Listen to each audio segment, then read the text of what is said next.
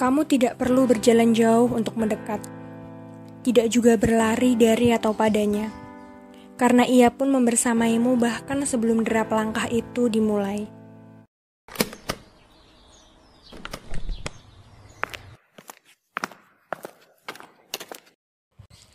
Sepuluh Oktober kemarin, dunia lagi-lagi merayakan Hari Kesehatan Mental. 10 Oktober kemarin, jurusan Psikologi Islam UIN Said Ali Rahmatullah Tulungagung pun melanggamkan hari jadinya.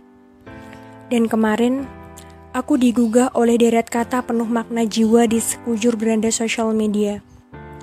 Digugah dari tidur yang diam tanpa menutup mata, tanpa mimpi atau angan apa-apa. Kata-kata yang dikatai mutiara yang dipilih tuan puannya agar masuk dalam jiwa, membuatnya bergetar, membuatnya bergerak. Katanya adalah tentang seorang aku dalam setiap diri yang tak kunjung berujung temu. Tentang tanya yang jawabnya hanya abu-abu. Tentang sadar yang tak benar-benar menyadarkan. Self-awareness. Seperti menjadi awal untuk tanda tanya besar tentang bagaimana aku melihat dan memahami diri sendiri, bagaimana orang lain melihatku, apa peranku untuk dunia, dan bagaimana aku mengulurkan tangan dengan niat baik menyelesaikan masalah dengan kesadaran yang aku punya. Iya, itu. Itu yang aku maksud.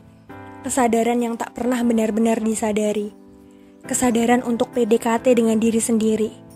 Untuk mengenal apa kelebihanku, apa kekuranganku, apa yang aku suka, apa yang aku mau, apa yang aku kuasai, bagaimana caraku menghadapi dunia, keunikan apa yang diri ini miliki tapi belum juga diakui sebab belum ditemui. Ini prosesku yang masih terus kucicil tapi tak akan pernah lunas sebab mencintai, memahami dan belajar tentang diri sendiri tak akan ada ujungnya. Tahapku Waktu itu aku sadar secara mata tapi tidak secara hati. Aku tidak tahu bahwa aku harus mencari aku yang setiap harinya bersamaku. Dalam proses pencarianku, aku pun tak menemukan jawabnya. Aku masih bertanya dan terus bertanya.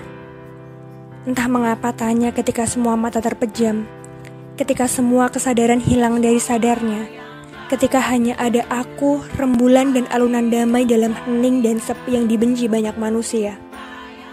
Perlahan aku menemukan jawabnya. Iya, aku mulai mengerti bahwa aku tak harus berenergi untuk mengenali, cukup diam dan berempati pada diri sendiri. Proses ini benar akan panjang. Kesadaranku ini tentang diri sendiri hanyalah sedikit dari ketidakadaan batasan sebab manusia sifatnya berubah. Jadi kuharap kita sama-sama tak akan menyerah untuk belajar pada setiap perubahannya, yang mungkin akan mengundang sesak, mengundang kesal. Ini unik bukan? Kita kebingungan untuk menemukan sesuatu yang sebenarnya ada, tapi kita kesulitan untuk menggalinya. Meditasi, memusatkan perhatian, refleksi diri, menulis jurnal pribadi menjadi langkah awalku untuk menyanding puzzle-puzzle tanya. Tidak apa untuk pelan dan perlahan, sebab mencintai diri bukan perkara mudah.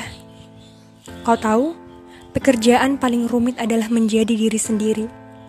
Peran paling sulit adalah menjadi diri sendiri. Tapi impactnya bisa aku rasakan.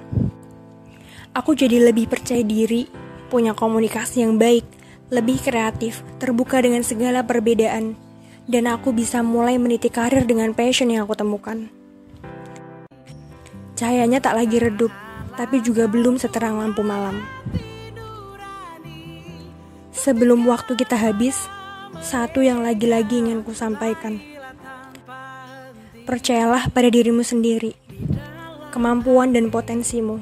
Jangan biarkan keraguan diri menahanmu kamu layak untuk semua yang kamu impikan dan harapkan. Harapanku sederhana untuk jurusan yang semakin tua. Selamat dan sukses, semoga engkau lekas membawa era emas untuk pendidikan bangsa dan para alumnusnya. Terima kasih sudah membuatku lebih berharga hari ini. Terima kasih kamu sudah mendengarkan podcast ini hingga selesai. Salam dariku, Brenda Permana, Psikologi Islam 2020.